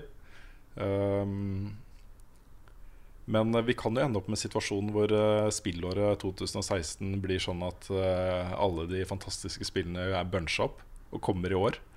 At det er ikke siste ti av ti vi har gitt i år. Mm. Så, så jeg vet ikke helt. Det er uh, Må passe oss litt. Det må ikke bli for mange av dem. Nei. Jeg føler samtidig at jeg ikke Jeg føler ikke at jeg, at jeg har vært snill uh, med mine anmeldelser i år. Nei. Jeg har liksom Jeg ga Dark Souls 9, og det spillet elsker jeg. Mm. Uh, og Michonne fikk jo fem og, og seks til slutt. Så jeg vet ikke, jeg har følt at jeg har vært ganske streng. Men uh, nå har vi jo som sagt også anmeldt mye av det som har vært bra. Mm. Ja. Nei, få se. Det, er, det har vært et bra spillår, rett og slett. Det har kommet, uh, kommet mye bra, og allerede nå så syns jeg spillåret 2016 er mye bedre enn spillåret 2015. Mm. Ja, der er ikke jeg nå. Nei, men uh, jeg personlig uh, er jo det. Ja. Nei, For meg så var jo 2015 bare drømmeåret. Ja. Fikk Undertale, fikk Bloodborne, og Mm. det er bare beste året jeg tror noen gang. Okay. For min del. Det er bare favorittspillår, så Ja. det, det er jo toppe. Jeg ligger litt etter der, så kanskje. Ja. Men uh, ja. Det er i er, hvert fall øh, øh, sånn at vi prioriterer uh, ofte de gode spillene foran de mindre gode. Mm. Mm. Og det, vil, det kommer til å bli reflektert i hva slags karakterer vi gir spill også. Ja. Hadde vi hatt uh, mange flere folk og mye mer tid, eh, mange flere innslag, så hadde det sikkert også vært mye mer gjennomsnitt Mm. i det. For da hadde vi tatt tak i mer av det mindre bra. Ja. Ja. ja. Skal vi ta et til, eller? Gjør det. Mathias Kolsrud Aase lurer på hva dere gjort om spillet hadde blitt ulovlig. Um, og jeg Da hadde jeg blitt erkepirat. ja, men jeg tenker sånn. Er ikke, er ikke um, Har det ikke vært et land hvor det har vært uh, Kina eller sånn hvor det var ulovlig å ha spillkonsoller? Jo, Kina hadde vel lenge sånne billige knockoff-konsoller. Fordi de ikke fikk lov å kjøpe de originale. Så det var sånn eh, Chintendo V og sånn. Ja, Det er faktisk, den, den het faktisk Chintendo V. så det var ikke tull. Um, ja. Så de har hatt mye sånne ting. Da. Det har liksom ikke vært Jeg vet ikke hvorfor de hadde regler mot det, men sånn import av spillkonsoller var ikke lov. Nei, altså um, Ja. Jeg bare tenker sånn uh, jeg, jeg hadde gjort det samme som deg, ass. Hadde blitt uh, pirat da, tenker jeg. Og um, hatt det på sånn svartemarked, liksom, hvor man hadde kjøpt spill uh, Jeg hadde gått spill utafor gamle strøket mitt banker studentbolig og så du har du spiller. ja, ikke sant? Har du en charter? Uh, ja. Og har du Collectors Edition? Oh. Ja, å, skal ha litt spenn for det. Ja, Altså. ikke sant?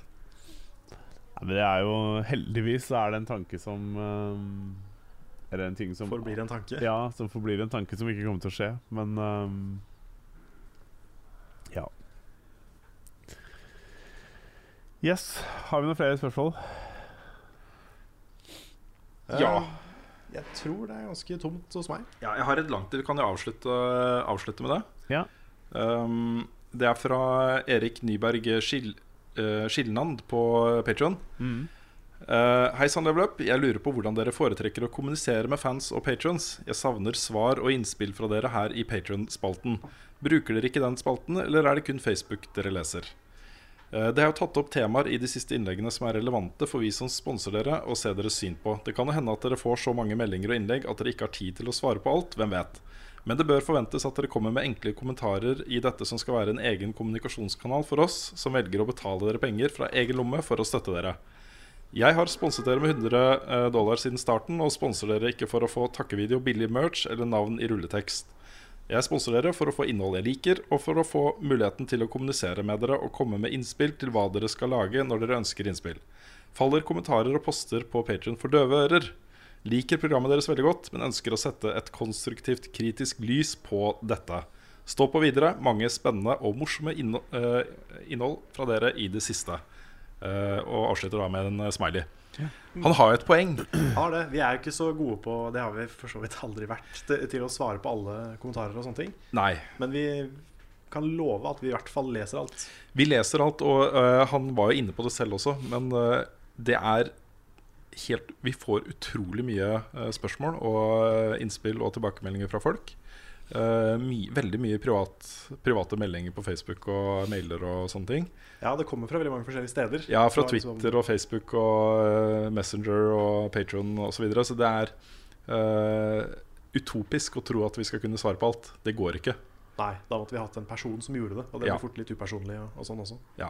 Og i tillegg så er jo også situasjonen sånn at vi har jo eh, delt tida vår eh, nå de siste månedene etter at vi starta opp litt mellom det å etablere selskapet og få kontor på plass og alle de tingene, og det å faktisk lage innhold. Så vi har hatt ganske eh, tettpakka arbeidsdager. Det som eh, vi har snakka om, og som vi kommer til å gjøre, er jo at vi kommer til å fordele litt eh, det ansvaret. At vi kommer til å ta kanskje annenhver uke hvor eh, vi får litt sånn ekstra ansvar for å uh, svare på, uh, på kommentarer. Da særlig på Patreon. Mm. Det blir nok pri én for oss. Ja. Uh, men sånn inntil vi rekker da å bruke masse tid på det, for det tar veldig mye tid, så kan vi i hvert fall si det du sa i stad, Karl. Vi leser alt og tar til oss det. Og, og tar det med i vurderinga når, vi- når vi diskuterer hvordan vi skal gjøre ting. Mm. Så det faller absolutt ikke for døve ører. Jeg syns det er kjempegøy å lese kommentarer på Patron. Uh, men det er sjelden jeg har tid til å sette meg ned og skrive lange, gode svar på det. Mm. Men det er, det er bra at han kommenterer det, for det er en grei ting å få sagt Ja. for oss også. Jeg vet. Vi vet det er viktig, og beklager at, eh, at ikke vi er aktive nok på det. Så håper jeg at vi skal få, få gjort noe med det. For det er, eh, det er, det, det er ikke bare en, en fin mulighet til å eh, komme med innspill til oss på, det er en veldig fin mulighet for oss til å kommunisere direkte Mm. med seerne også. Mm. Mm. Du fikk, jo, du fikk jo navnet på nye nyhetsspalten din fra Patreon blant annet. For eksempel, Det er kult. den blir hetende Level Update. Ja, jeg likte det navnet. altså Ja, jeg likte det kjempegodt. Og Det er nesten litt sånn irriterende at ikke vi kom på det selv, men det, er jo, det sier jo litt Ja. om, eh, om hvilken eh, kraft som ligger i, i Patron eh, for oss. Ja, Vi har vært innom mange forskjellige sånne level up-ting. Ja. Level up respawn var vi innom, level up recast Mm. og diverse. Men level update, den var ja midt i blinken. ja, perfekt. Helt perfekt. Ja, Skal vi runde av? Vi må nesten gjøre det. Um, okay. jeg veit du sa det skulle, men eh, jeg syns på en måte vi skal ta en, eh, en, all- en bitte liten ting. Fordi at det er snart 17. mai, og Lars Grøtnes lurer på hva våre 17. mai-tradisjoner er. Så hvis dere har noen kjappe liksom hva vi faktisk gjør, så Det, var, det er en fint, et fint sted å slutte. Ja, det er sant. Det Ja. er sant. Har du lyst til å begynne, Lars? Ja, jeg kan godt gjøre det. Fordi min tradisjon Det er å, å se på toget som går forbi her hos meg. Og så er det å spise pølse og potetmos eh, hos min eh, mor og far. Og som regel på kvelden så pleier jeg å henge sammen med venner og grille eller uh, sånne type ting. Um, de siste årene har det ikke vært like konsekvent på mine tradisjoner, men det er, liksom, det er de små tradisjonene jeg har som, eh, som alltid er der. Mm. Jeg spiser is. Det er det. Det er det. That's it. Ja, Det hender at jeg tar en tur til byen, men det er så mye folk at jeg ofte ender opp med å droppe det. Jeg, jeg, jeg er ikke noe Jeg har liksom ikke tradisjonelt sett vært noe spesielt glad i 17. mai. Det henger igjen litt fra barndommen hvor jeg spilte i korps. Og det var helt pyton. Jeg spilte tuba. Så 17. mai for meg var bare helt uh, et mareritt. Det å gå rundt med den tunge, svære tingen som det kom masse spytt inn i, som man måtte tømme ut. Og jeg syns, jeg syns ikke det var noe gøy. Hvorfor spilte du i korps eh, sånn sett? Var det fordi du måtte, eller? Nei, eh, det, det, jeg vet ikke. Det føltes som om det var noe man gjorde. Jeg vet ikke. Jeg også Så, spilte i korps da jeg var liten. Hva spilte du? Klarinett? Trombone. Trombone. Ja. Uh, så jeg, for eksempel, da, etter at jeg flytta til Oslo, så var det flere 17. mai hvor jeg liksom bare sov til klokka to. Jeg gikk ut i, eh, i treningsbukser og kjøpte frossenpizza og gikk hjem igjen og gama, liksom. Ja, Det er litt, litt sånn jeg også har hatt det noen år. Altså. Ja. Det liksom Det henger litt igjen for meg òg, for det var veldig langt og varmt 17. mai-tog i Tønsberg. Mm. Og du har jo på deg finklær som er varme, og det er kjipt, liksom. Jeg hata jo å gå i 17. mai-tog da Ja. jeg var liten. Så det har kanskje Det sitter kanskje litt igjen. Ja, men det har jo skjedd ting da i mitt liv som har fått meg til å endre litt øh, øh, syn på 17. mai. Eh, for det første så er jo da min livsledsager er jo veldig glad i 17. mai. Eh, hun har jo vokst opp i Oslo. Eh, og hvis du har vokst opp i Oslo og vært en del av barnetoget og hele den derre eh, stemningen som er i byen her, på, særlig på 17. mai, som er, eh, hvor det er bra vær og sånne ting, det er jo det er noe eget. Det er noe veldig spesielt. Ja, Det er faktisk sant. Vi lagde en reportasje en gang for jeg tror det er sånn fem-seks år siden. Mm. Fra 17. mai. Og eh, da intervjua vi en fyr som jeg tror var fra Polen. Og han var så blid. Fordi han hadde gått rundt og liksom Jøss, det første eneste dagen som nordmenn går rundt og smiler og vinker og er kjempeblide og åpne. Og Ja. det var litt koselig, da. Mm. Det, det er nok noe i det. Ja, og så er jo 17. mai er jo en eh, veldig spesiell ting også, fordi eh, i mange andre land så er jo nasjonaldagen en litt sånn der eh, autoritær ting. En som Det er militærparader og, eh, og sånne ting. Eh, I Norge er det jo barnas dag. Også, det, er, det er barnas egen dag. Det er de som er i fokus, og det er de som skal ha det gøy, og det er de som gjør ting, og osv. Uh, og jeg har jo to av dem. Jeg har jo to sanne. Uh, Så, så 17. mai for meg nå, da, årene fremover, kommer jo til å bli ganske spesielle. Fordi uh, nå får jeg liksom oppleve det gjennom deres øyne. Og de er jo supergira på 17. mai. Og bare det å gå rundt med et flagg som de kan vifte med og si hipp hipp hurra og sånne ting. For dem er det jo kjempestas. Eh, og tenk deg når de blir så store at de begynner å gå i barnetog. Eh, I år blir det faktisk første gangen som eh, nevøen min går i barnetog. Han skal gå liksom barnetog eh, i Oslo foran Slottet og hele pakka, så vi må jo prøve å få sett, eh, sett han. Eh, så, så det er på en måte en ganske spesiell ting. At Det blir noe helt annet nå. De har lyst til å henge med venner og gjøre morsomme ting og spise så mange is de orker og alle de tingene der, liksom. Så jeg gleder meg litt nå, altså. Ser du? Mm. Yes, Skal Ja. vi la det være siste ord? Vi kan la det være siste ord. takk for at dere hørte på, folkens. Så ses vi igjen neste gang det skjer noe spennende. Og eh, takk selvfølgelig til alle som sponser oss på Patron. Vi er som alltid veldig takknemlige for det. Det er derfor vi sitter her og kan gjøre dette her. Jepp. Så eh, ja, vi ses. Ha det bra, og god 17. mai. God 17. mai.